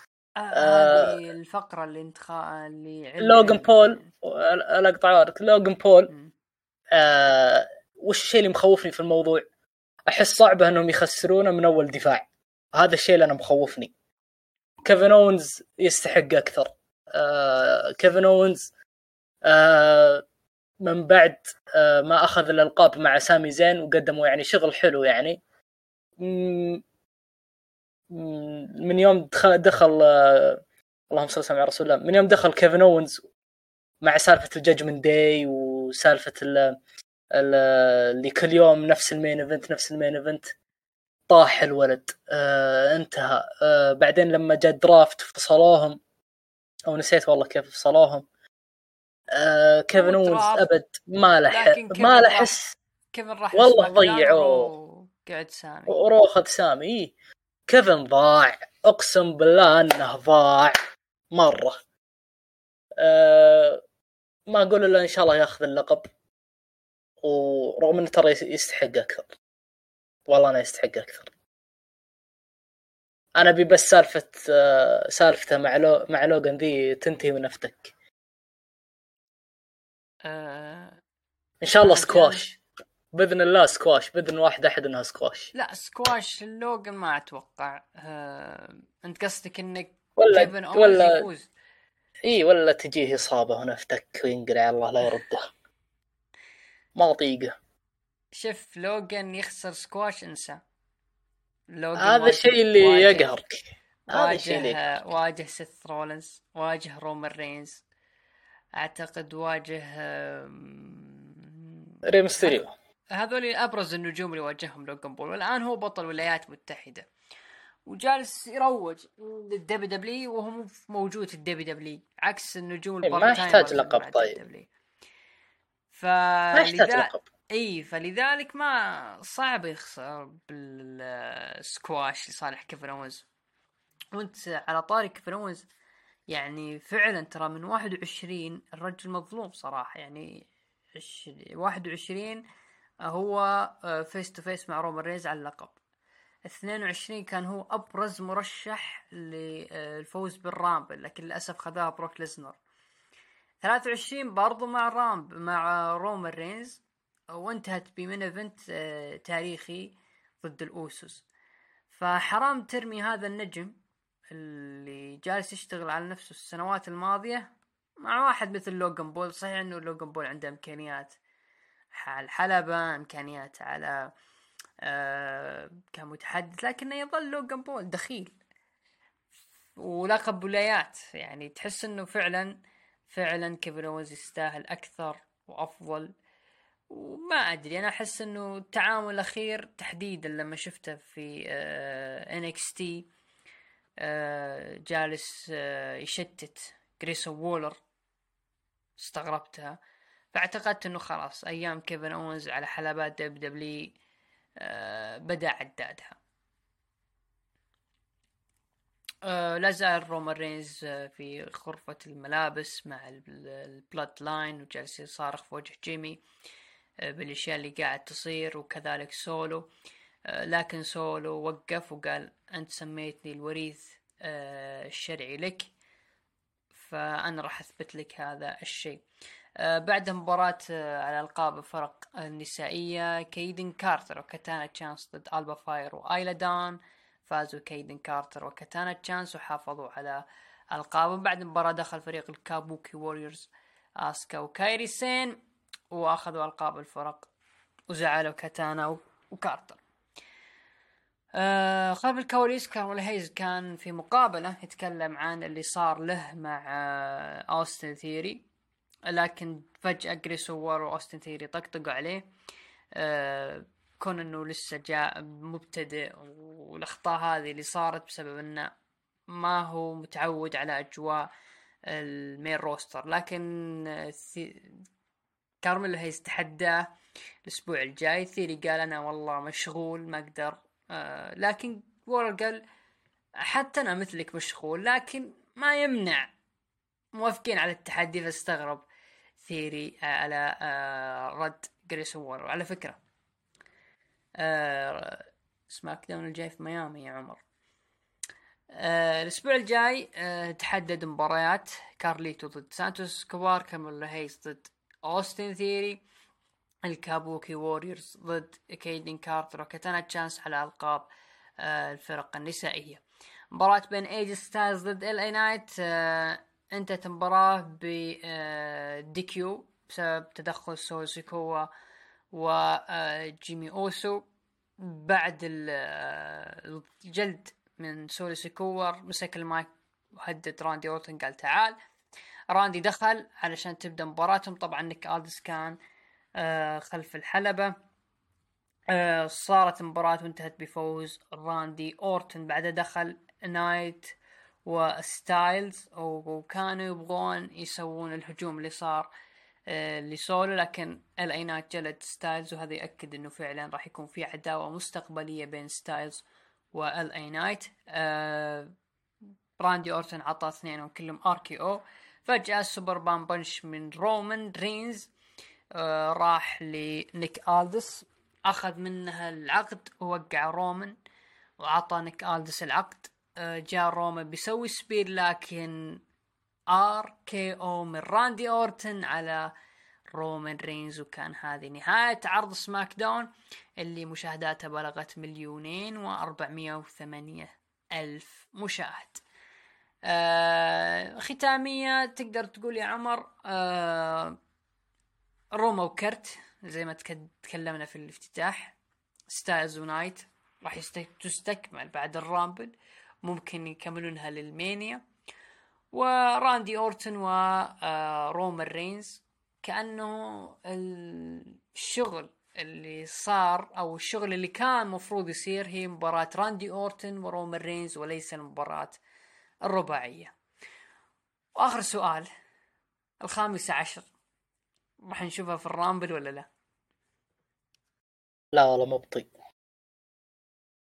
معليش.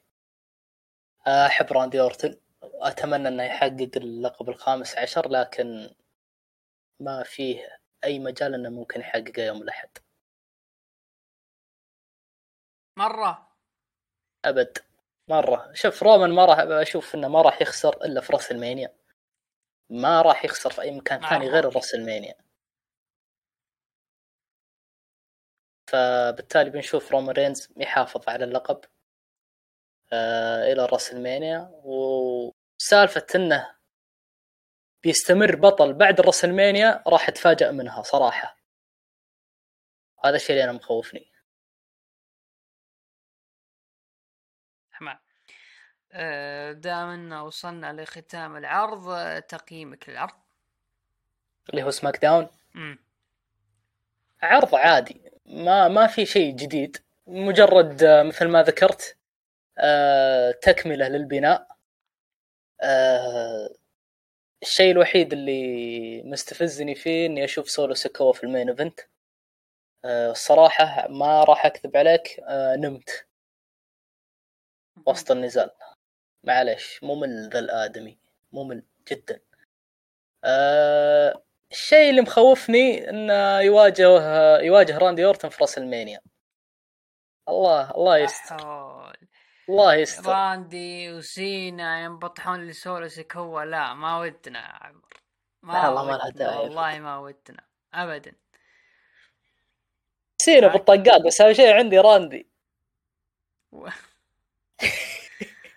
معليش أنت ضيف ما نقدر نقول شيء. لكن آه، خلف الكواليس تتفاهم يا خامس عشر. سينا طيب. عنده طيب. ثلاث سنوات مو محقق راندي.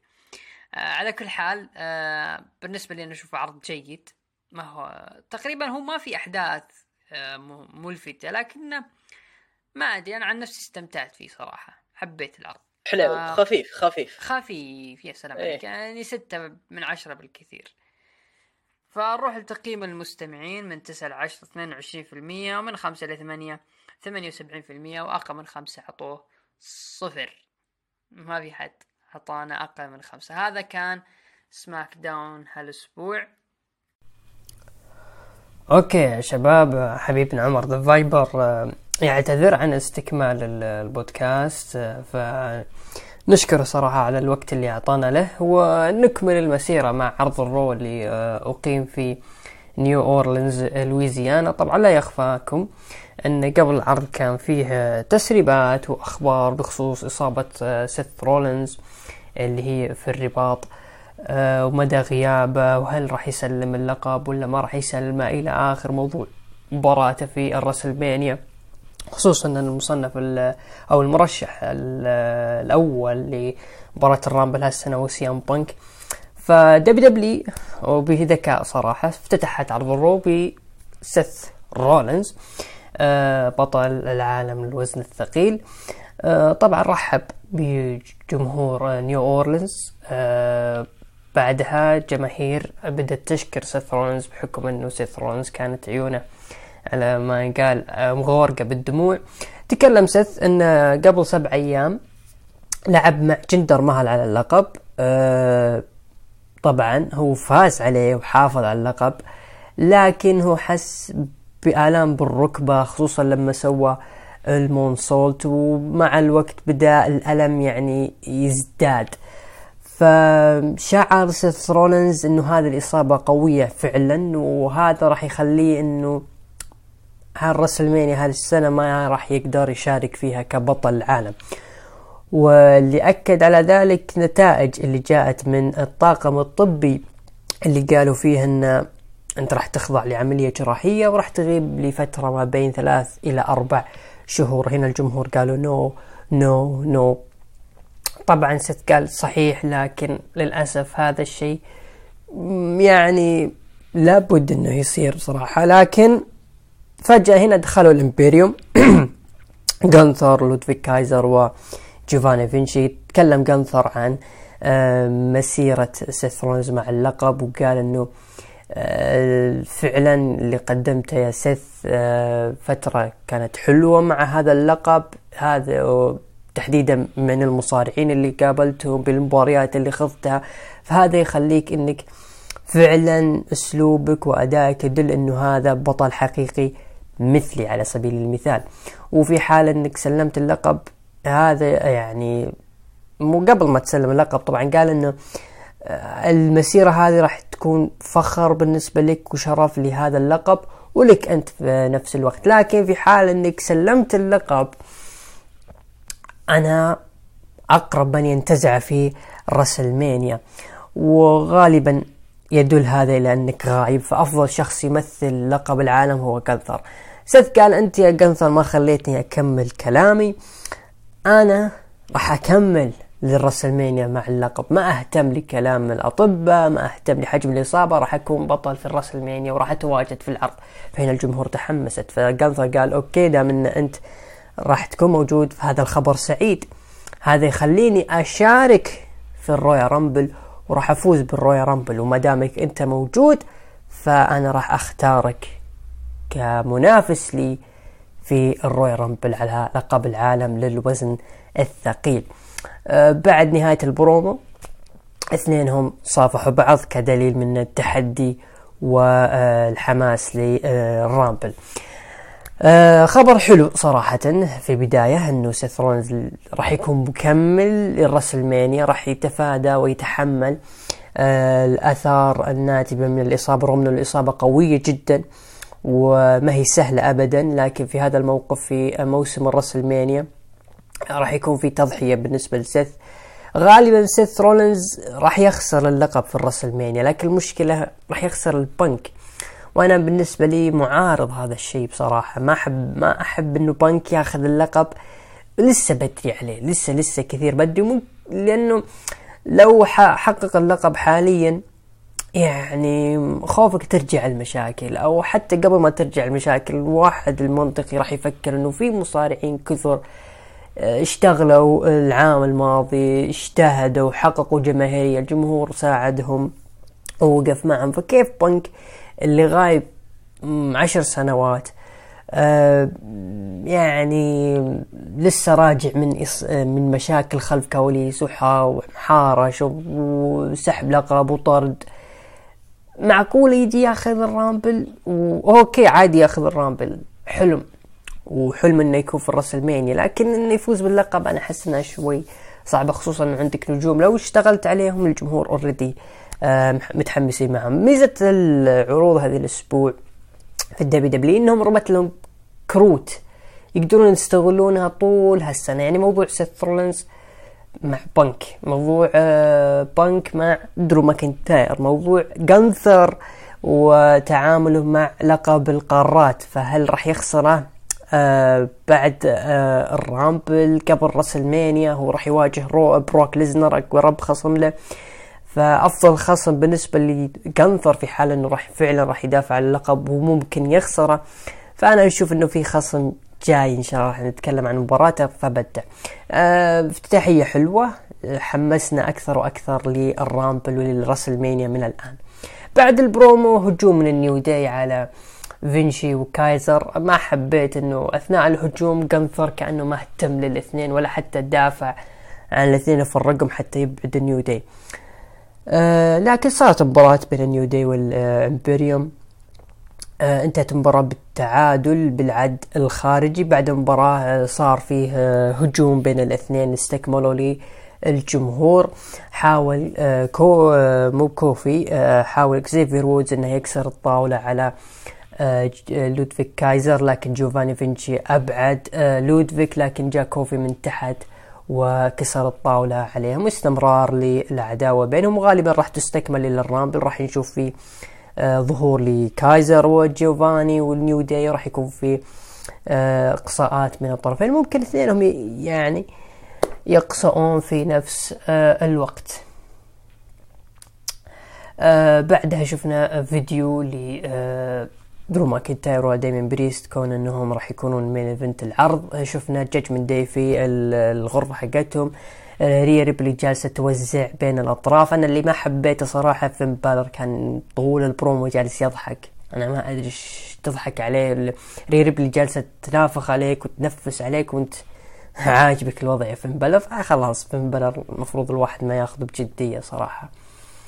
بعد مباراة بين فالهالا وآيفي نايل فازت فيها آيفي نايل خلف الكواليس. New Day كانوا في مقابلة. كان بجانبهم جي أوسو.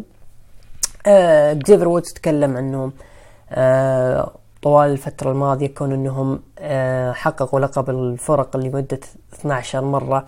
آه الشيء اللي جالس يصير معهم مع ال Imperium آه ما هو مقبول. لذلك كوفي كينغستون أيضا في نفس الوقت أعلن تحدي لجانثر على لقب القارات في الأسبوع القادم. فجأة جي أوسو قال yeet. جي أوسو طافي الفترة الأخيرة ما عنده شيء يقدمه فأبرز شيء يصير له مع ال Rumble أيضا أنه يتم إقصاء آه، من جيمي أو هو يقصي جيمي. بصراحة أنا أشوف أنه يقصي جيمي أفضل راح يرجع الزخم الجمهور له من جديد.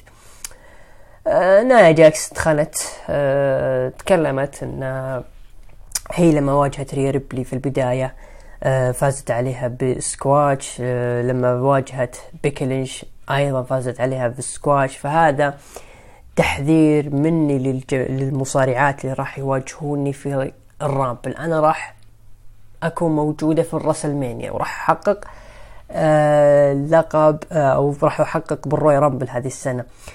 فهذا الشيء يجعل إنه فعلا ريا ريبلي ما راح تقدر تنافسني وتنتزع من أو تهزمني بشكل آه، واضح وغالبا هي اللي راح تفوز في النهاية دخلت بكنش و آه، سكتتها.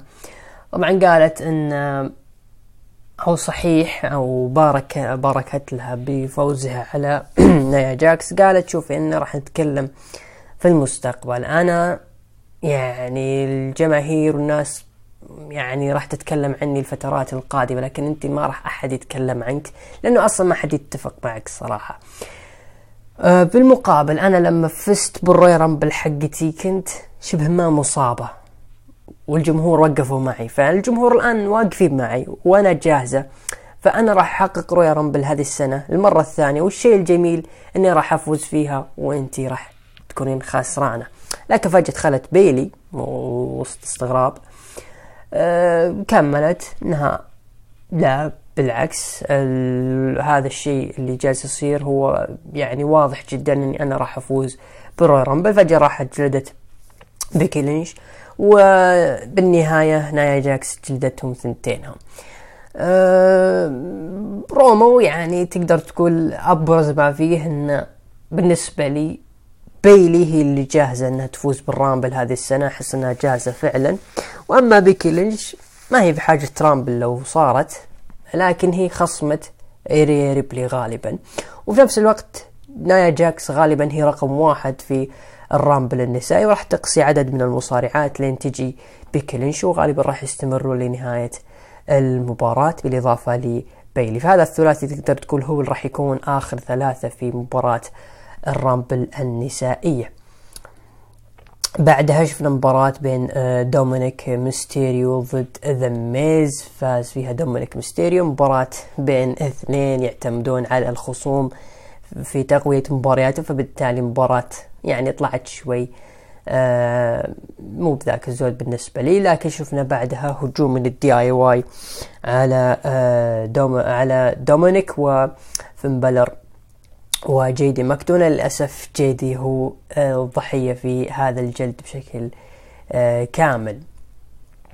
بعدها شفنا فيديو لبرونسون ريد يتحدى فيه جاي أوسو في عرض الأسبوع القادم. بعدها شفنا مباراة بين آيفار ضد تشاد جيبل فاز فيها آيفار بعد تشتيت فالهالا لتشاد جيبل بالنسبة لي هذه مباراة رائعة جدا جدا جدا ابدعوا الاثنين.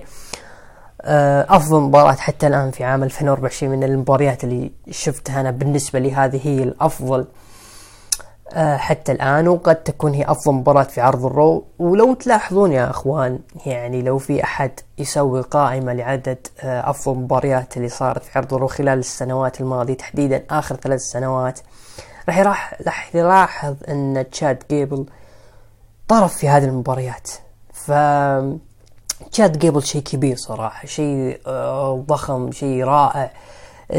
قدم هو ايفار نسخة جميلة جدا. ذكرتني بايفار لما لعب مع ريكوشي في TakeOver نيويورك كان زي كذا قدر يجاريه في الأسلوب رغم إنه حجمه كبير وثقيل لكن المشكلة في نهاية المباراة هو خسر بسبب تدخل فالهالا. طيب الأسبوع الماضي أكيرا توزاوا فاز على ايفار يعني ليش ما خسر أكيرا توزاوا الأسبوع الماضي؟ سكواش. وهذا الأسبوع يعني تشاد جيبل يقول أنا راح أنتقم لكم راح أفوز على أيفار. يلعبون الاثنين وسواء فاز وغالبا المفروض يفوز تشاد جيبل ما يفوز أيفار. حتى لو فاز أيفار ما تكون بالنهاية إنه فالهالا كذا تطلع فجأة وكأنه يعني جاه كهرب يعني. فأحس إنه لو انتهت المباراة بشكل نظيف بدون تدخلات بدون ظهور أي أحد أحس أنها كانت بتكون حلوة لأنه الاثنين راح يستفيدون منها. فشيء جميل جدا صراحة المباراة اللي صارت ومن أفضل مباريات عرض الرو هذه السنة. أه بعدها شفنا الفقرة المنتظرة فقرة كودي رودز وسيام بانك. بدأ بدخول كودي رودز. أه بعدها على طول دخل سيام بانك. أه قال سيام بانك إنه إحنا موجودين هنا ف كويس إنه هذه أول ظهور لنا وإحنا لازلنا أصدقاء. بعدها كودي عطانا ال catchphrase المعتاد أه سأل جمهور نيو أورلينز وكذلك سيام بانك وش تبغونا نتكلم عنه لكن بانك تكلم وقال خلنا نتكلم عن داستي رودز قال في عام 2007 أه داستي رودز دخل آه كودي رودز في اتحاد OVW حتى تبدأ مسيرته في عالم المصارعة الحرة. وسيام بانك آه أو داستي رودز طلب من سيام بانك إنه يركز على آه، كودي ويهتم فيه. آه، قال إنه هذا الشيء بونك تكلم قال إنه هذا الشيء كان طلب وخدمة من آه، الحلم الأمريكي دوستي رودز وأنا وافقت. وكودي رودز الجميل فيه إنه ما دخل في أي مشاكل ما صار في أي رفع للصوت خلال مسيرته. طبعا كودي شكر بونك على هذا الاهتمام وقال إنه فعلا أنت أيضا من النجوم الكبار. بونك قال إنه أنا كان هذا الشيء فخر للشيء اللي صار لكودي رودز إنه لما عاد لي ال WWE أخذ ال Rumble وصار في main event ال WrestleMania طبعا كودي قال أنت مو الشخص الوحيد اللي تقول لي هالكلام. كثير من الناس اللي تكلموا إنه داستي رودز كان له فضل كثير عليهم لكن فجأة سيام بانك قال إنه آه لكن شوف يا كودي. أنت صحيح نجحت وشقيت طريقك بشكل كبير لكن السبب هو تواجد داستي رودز اللي هي أنا أشوف أنه من أعظم الشخصيات في التاريخ. آه أنت استطعت يعني أنت في دائرة الرودز أو في عائلة الرودز فالخروج منها شيء صعب جدا. أه ومع ذلك نجحت لكن أنا مصارع عادي والدي عادي ما قدم شيء كبير ولكن أنا بالنسبة لي هذا أفضل من داستي رودز هنا يعني كودي استغرب و يعني الجمهور أيضا اعطوا ردة فعل صادمة لكن كودي قال خلاص طيب خلينا نتكلم عن ال pipe bomb أنت تكلمت طبعا بانك على طول لما جاب طاري ال pipe bomb آه، فسخ الجاكيتة ووخر اللوجو يعني بيعطيك وضعية pipe bomb pipe bomb تكلم كودي. قال انت تكلمت عن أشياء كثيرة تصير خلف ال WWE لكن بالنهاية أنت خرجت. خرجت من ال WWE والآن بعد آه هذه السنوات اللي طفى فيها آه بريقك جاي ترجع وتبغى تاخذ ال Rumble. وبال Rumble ترى ما في أي شيء اسمه أصدقاء أو محبة كل واحد لحاله. فبدأ التلاسن بين الاثنين وكل واحد يهدد الثاني في ال Rumble.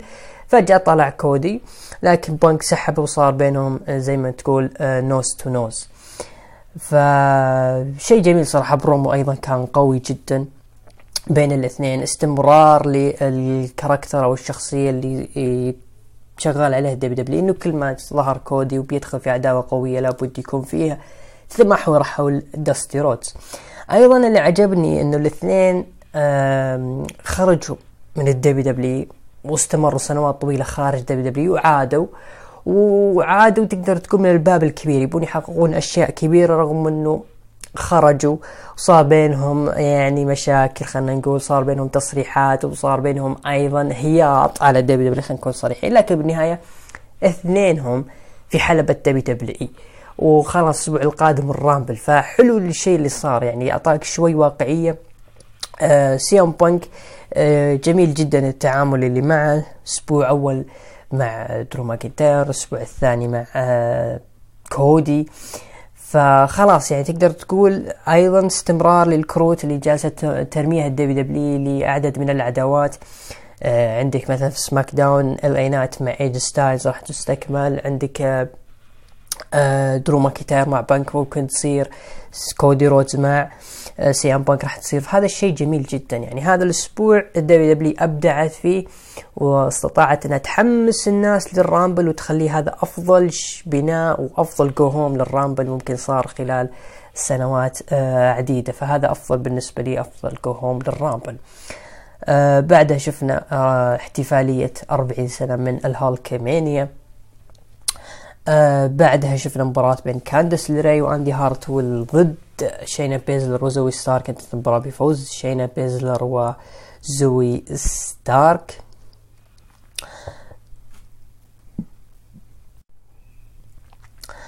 آه بعدها شفنا استعراض ل card ال Rumble. راح نجي إن شاء الله نهاية الحلقة. ال main event ديمين بريست ضد آه درو آه ماكنتاير انتهت المباراة بفوز آه درو ماكنتاير. آه طبعا أثناء المباراة شفنا محاولة صرف آه ديمين بريست لكن مو من طلب ديمين بريست كانت ار تروث جايب مع الشنطة وكان يبغى يصرف الحقيبة. لكن داميان منعه وهذا الشيء خلى داميان بريست ما يركز وانتهت المباراة لصالح درو ماكنتاير. تقريبا مباراة يعني مثل المباريات الاعتيادية اللي تصير لدرو ماكنتاير في عرض ال Raw. آه وهذه كانت النهاية. بصراحة عرض أنا أشوفه حلو صراحة جدا. يعني البروموهات اللي صارت المباراة اللي صارت آه، بين تشاد جيبل وآيفار وختاميتها مع كودي رودز وسي ام بانك. فعرض جدا جدا جميل بالنسبة لي هذا. فعلا يعطيك عرض go home لل Rumble. خلاص الناس وما بقى على ال Rumble شيء يعني خلاص الأحد. فمتحمسين صراحة لل Rumble وكيف راح يكون الشغل وبعد ال Rumble الطريق لل WrestleMania عرض Raw ها الأسبوع أنا بالنسبة لي أعطيه أه سبعة إلى سبعة ونص من عشرة عرض جدا ممتاز. تقييم المستمعين أعطوا من تسعة إلى عشرة خمسين في المية ومن خمسة إلى ثمانية وأربعين في المية وأقل من خمسة عشرة في المية. طبعا أخونا عبد الله عبد الرحمن اللي هو أبو عبد الرحمن يقول عشرة من عشرة فواضح أنه استمتع كثير. بالعرض ما الوم العرض كان جدا جدا ممتع صراحة. آه نروح ل NXT NXT اللي بدأ بداية قوية بس بعدين الرتم نزل نزل نزل نزل نزل نزل نزل. العرض بدأ بمباراة نصف نهائي تصفيات tag team آه داستي رودز للفرق. آه مباراة بدت كان بين نيثن فريزر واكسيوم ضد برون بريكر وبارين كوربن فريق ال Wolf Dogs انتهت المباراة بفوز بارين كوربن وبرون بريكر. وصراحة آه، المباراة كانت ممتعة جدا مباراة رائعة. إذا كان في مباراة لبارين كوربن وبرون بريكر راح يكون هي ال top وأفضل مبارياتهم. هذه راح تكون من ومنها تحديدا الشغل اللي صار بين نيثن فريزر وأكسيوم. قدموا شغل جدا رائع. تستغرب من اللي شاب أكثر نيثن ولا أكسيوم؟ أنا أحس إنه نيثن كان هو جزء ما أفضل من أكسيوم. فتستغرب يعني لو ترجع تشوف المباراة راح تستغرب من كان الأفضل بين الاثنين. لكن بالنهاية المباراة كانت حلوة. طبعا برون بريكر وكوربن آه، تأهلوا للنهاية وراح يواجهون اما LWO أو كارميلو هيز وتريك ويليامز إن شاء الله الأسبوع القادم. جوش بريقز قابل إليا دراغونوف وإليا دراغونوف طبعا جوش بريقز قال إني سمعت نصايح جي بي إل وحاب أطورها في نفسي و وحتى أثبت لك راح تكون لما أواجهك دراجونوف طبعا تريك ويليامز جاء وقال إنه أنا أبغى آه، دراجونوف جاهز تماما ل Vengeance Day لكن فجأة صار بينهم تحدي إنه جو تريك ويليامز قال إذا أنت تبغى هذه الفرصة واجهني وإذا فزت راح أعطيك إياها. أه بعدها شفنا مباراة بين آه رين سينكلير ضد لاش ليجند. مباراة بفوز لاش ليجند. آه بعدها شفنا فريق ال OTM جلدوا البنت آه اللي مع توني دي انجلو وستاكس. طبعا لا تعليق على هذا الفريق مهما صار مهما قدموا مهما سووا. آه دايجاك كان داخل لمباراته مع جو لكن الاثنين صار بينهم حرش وجلد. آه، فكوهم الحكام وتكنسلت المباراة. تقدر تقول الكترا لوبس جالسة تدور على لولا فايس. ما أدري ليش تدور عليها رغم إنها عارفة إنها راح تظهر في فقرة آه، Supernova Session. video package لمستر ستون وفون ويغنر بعدها لكسس كينج لعب مباراة ضد تري بارهيل فاز فيها لكسس كينج لكسس لكسس كينج اللي هو براين بيلمان جونيور.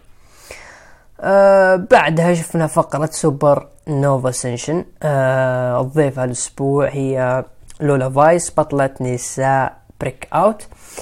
آه طبعا قدموها عن أنها بطلة ال Breakout وتكلمت لولا أن هذا العقد اللي معها سبب غيرة للمصارعات خلف الكواليس لأنهم عارفين أنه هذا العقد بإمكاني أصرفه في أي مباراة في أي وقت في أي آه زمان أبغاه. طبعا Money in the Bank حقت NXT وتكلم عن إقصاء آه إلكترا لوبز فجأة إلكترا لوبز دخلت وبدت تلاسن لولا فايس وبدأت آه، تتكلم عن مسيرتها في NXT وإنها كانت بجانب ليغادو ديل فانتازما. لكن يعني صار بينهم حرش بالكلام بعدين استكمل الحرش في الحلبة وتم يعني فصل الحكام بينهم. بصراحة مشهد الحكام صار مستفز صراحة في عروض ال WW. تحس إنه آه ما أدري كل ما صارت عداوة بين الاثنين جو صار بينهم حرش جو الحكام وفكهم. طيب واحد يسوي ال finish وينتهي.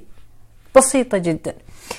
آه بعدها شفنا أندري تشيز آه جالسين يضفون الفصل وأندري تشيز زعلان وخلاص ودع الفصل حق التشيز يو. يدلك إنه التشيز يو غالبا راح يتم تصعيدهم في العروض الرئيسية. دراجون لي وسكريبت هو ريجي آه ريجينالد فاز آه دراجون لي مباراة كانت سهلة لكن كانت مباراة تقريبا تحدي بين دراجون لي لأوبا فيمي اللي راح يتواجهون ضد بعض في عرض Vengeance Day آه بعدها شفنا مباراة بين آه بلير ديفنبورت كارمن بيتروفيتش فازت بلير ديفنبورت. الحدث الرئيسي مباراة أو قبل الحدث الرئيسي لكن آخر مباراة في العرض كانت تريك ويليامز ضد جوش بريكس فاز فيها تريك ويليامز. كانت مباراة حلوة صراحة.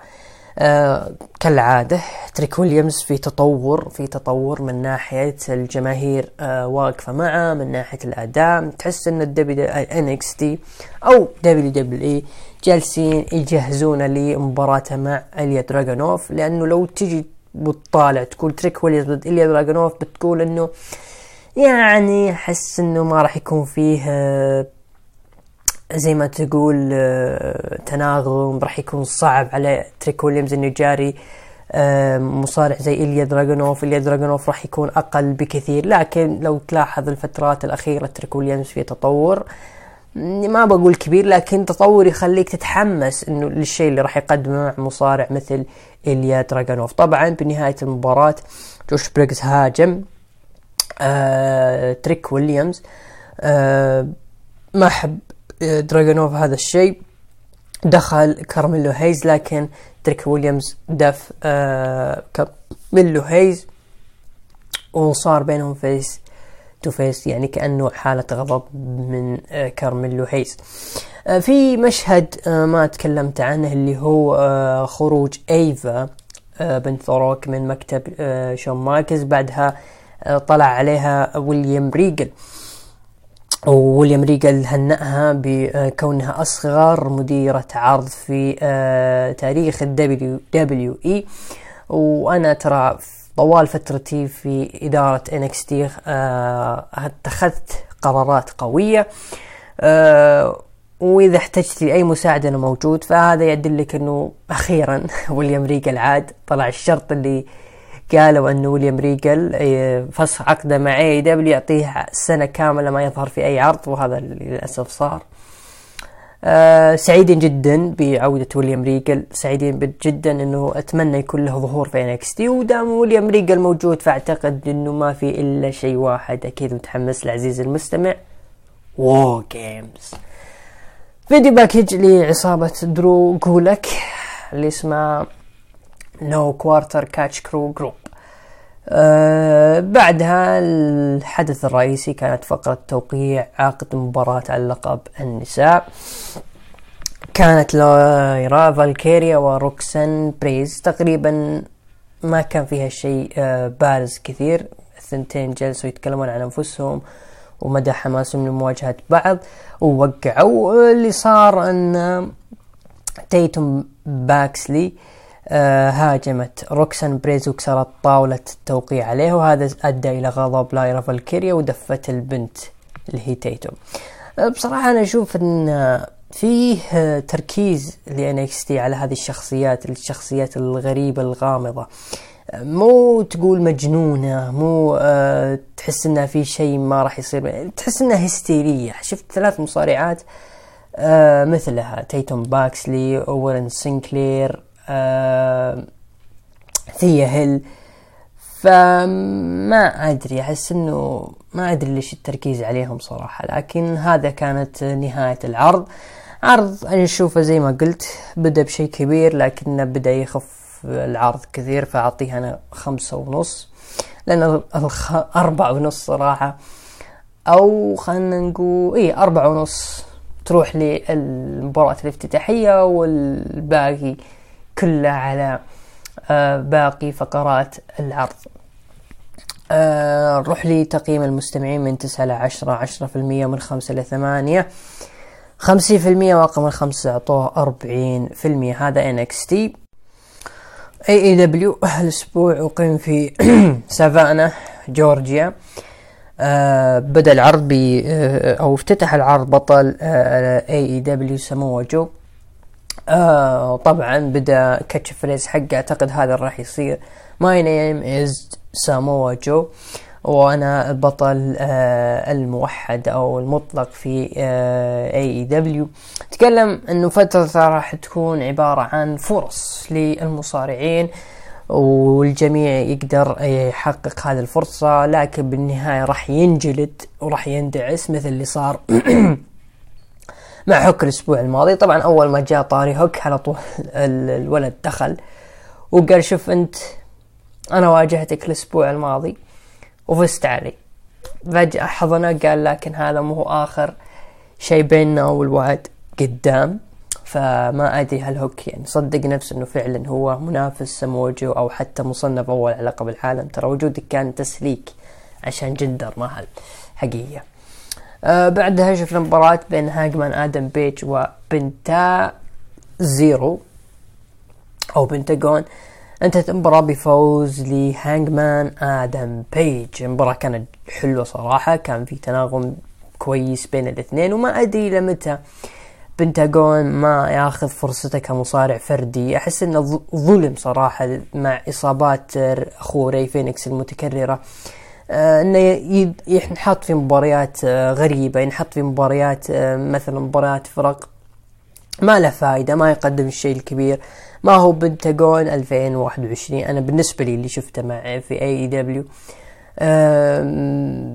فأحس إنه لابد لابد ياخذ له فرصة يعني على أي لقب فردي. يعني ال International مع أورنج كاسدي. ليه لا ما ياخذ فرصة. وهانجمان آدم بيج أكيد هذا الفوز مستحق له لأنه جالس يبني نفسه هو سويرف ستريكلاند والقادم راح يكون مدمر صراحة.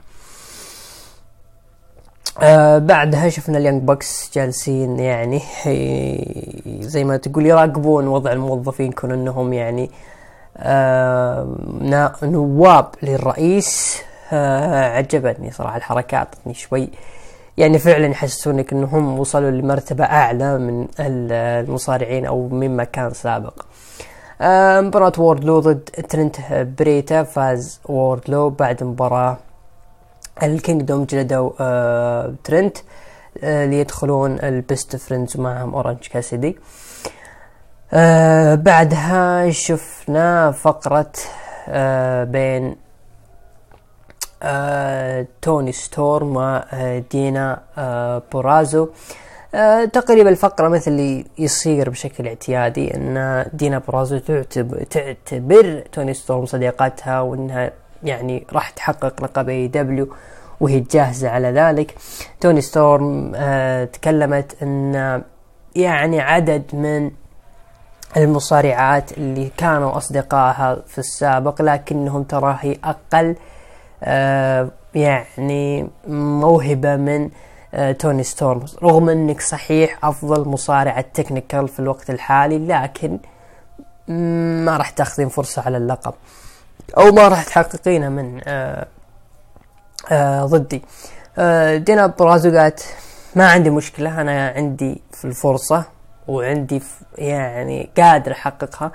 فجأة تكلمت عن آه دليل الصداقة بينهم إنه في تاتو بينهم أو وشم مشترك بين الثنتين. فتوني ستورم لما شافت التاتو جابت النعال و ضربتها ودينا أيضا ضربتها. بصراحة توني ستورم كانت هي نجمة البرومو هذا. ضحكتني صراحة. كانت يعني فعلا فعلا توني ستورم قدمت شيء مختلف. وأعتقد الشخصية هذه من اختيارها يعني. واضح جدا إنه كل شيء جالس يصير من ال character هو من أفكار آه توني ستورم. فأشوف إنه شيء جميل جدا إن هذه يعني عوضتنا عن خيبة الأمل اللي صارت بعد آه بعد ما تصعدت في ال WWE ولما راحت ل AEW ما قدمت شيء ملفت هذا شيء ملفت صراحة. آه جون موكسلي يتحدى مصارع لي مورياتي في عرض Rampage. ما أدري هل موكسلي عايش معنا إنه Rampage ما حد يتابعه وما حد يهتم له أصلا. video package لآدم كوبلاند ومينورو سوزوكي مرة راح تكون في ال main event. آه بعدها تايا فالكيري وزوجها جون موريسون آه طلع له اسم جديد اسمه جوني TV. ما أدري هل أيضا جوني TV يدري إنه في ناس وصلوا لبعيد وصلوا لنتفليكس وصلوا المنصات الرقمية. تحدت ديونا بورازو في مباراة ضدها الأسبوع القادم في داينامايت راح يكون في النيو أورلانز وأعتقد تايا فالكيري أعتقد إنها أخذت اللحظة اللي هي تبغاها واصلا وجودها في المصارعة. آه بعدها مباراة سويرف ستريكلاند ضد جيف هاردي فاز فيها سويرف ستريكلاند. أيضا مباراة لا بأس فيها. مشكلتها كان حسيت إنه في بطء بطء شوي تحديدا من جيف هاردي وهذا يدلك إنه العمر لها أحكام ومن يدري إنه جيف هاردي يصل لهذا المستوى. حسيت إنه في بطء في الرتم لكنها مباراة لا بأس فيها وحلوة. بعدها شفنا آه هانجمان آدم بيج تكلم إنه أنت يا سويرف أو قاطعه آه قال إنه أنا أملك record ثلاث مباريات بلا أي خسارة في 2024 ورد عليه آه سويرف أنا نفس الشيء. قالوا خلاص راح تكون في مباراة بيننا راح تكون هي تحديد المصارع اللي راح يخسر الثاني أو يكسر سلسلة الثاني بشرط انه كل واحد يحدد الشرط اللي هو يبغاه. مثل اللي صار مع آه، آدم كول وكايل أورايلي في آخر مباراة لهم في NXT TakeOver أعتقد كان 36 لما كل واحد اختار شرط مباراة وبشوف يعني إيش بيصير. هذول بيقتلون بعض شكلهم في نهاية المباراة. آه، مباراة بين ثندر روزا وريد فيلفيت فازت فيها ثندر روزا. آه بعدها دخل ستينج وداربي آلن. آه طبعا قدمهم توني شيفاني. تكلم داربي آلن عن وصول ستينج في عام 2020 آه وداربي آلن يرى أن ما توقع أن ستينج راح يكون هو إياه في نفس المكان فما بالك أنهم صاروا آه فريق آه والفريق هذا وصل ل 27 مباراة بلا أي خسارة. آه وال Young Bucks يعني قاعدين يطالعون ويراقبون في العرض. وتكلم داربي آلن قال دام إنه عندنا هذا ال record وأنت حاب تنهي مسيرتك فعندي شيء ودي أحققه قبل ما نواجه ال Young Bucks في آخر مباراة في مسيرتك. ألا وهو لقب الفرق AEW فايش رأيك؟ حاب تنهي مسيرتك وإحنا أبطال الفرق؟ ستينج وافق على آه ذا العرض. أجمل ما في البرومو صراحة اللي كان آه يشبه ستينج ما أدري لاحظ أكيد لاحظتوه اللي فيه آه في المدرجات. حتى ستينج يعني راح له وحضنه كان فعلا أكثر واحد قلد ستينج كان هذاك. صراحة كان جدا جميل. آه برومو شوف آه واضح جدا إن آه لو تذكرون آخر video package آه صار آه لمح فيه داربي آلن إنه إحنا متوجهين على لقب الفرق.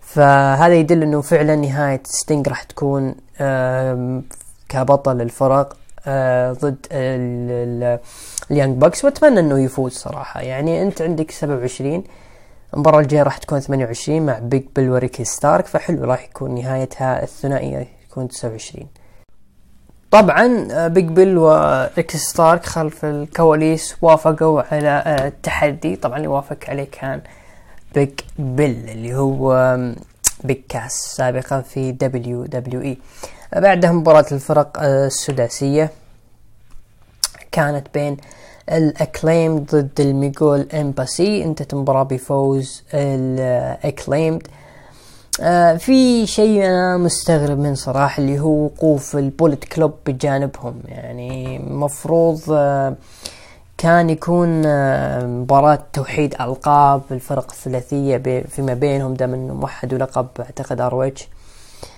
آه، فما أدري إيش ناقص ان يوحدون هذه الألقاب. شيء تستغرب منه يعني بصراحه وجود ال Bullet Club مع آه، ال Acclaimed بعدها فيديو لعودة المصارعة سيرينا ديب في عرض آه، Collision. ال main event كان آدم كوبلاند ضد مينورو سوزوكي.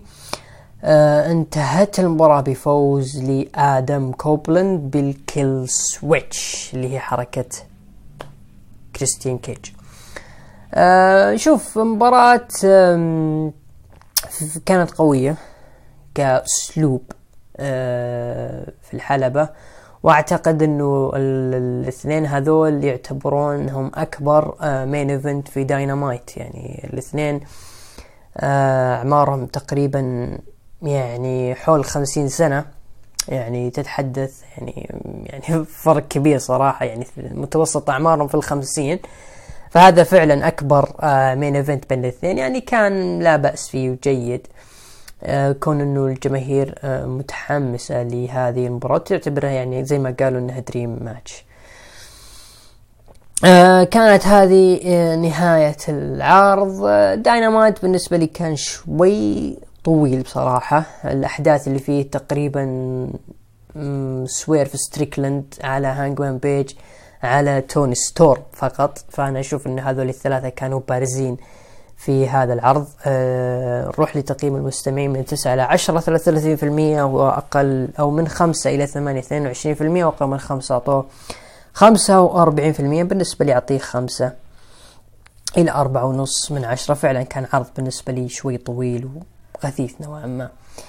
آه كانت هذه نهاية العروض. نروح لعرض الأسبوع SmackDown 31 Raw 50 داينامايت 19 وأنا بالنسبة لي أتفق مع الجمهور كان عرض الأسبوع هو Raw Monday Night Raw آه card Royal Rumble 2024 اللي راح يقام في سانت بيترسبورغ روسيا؟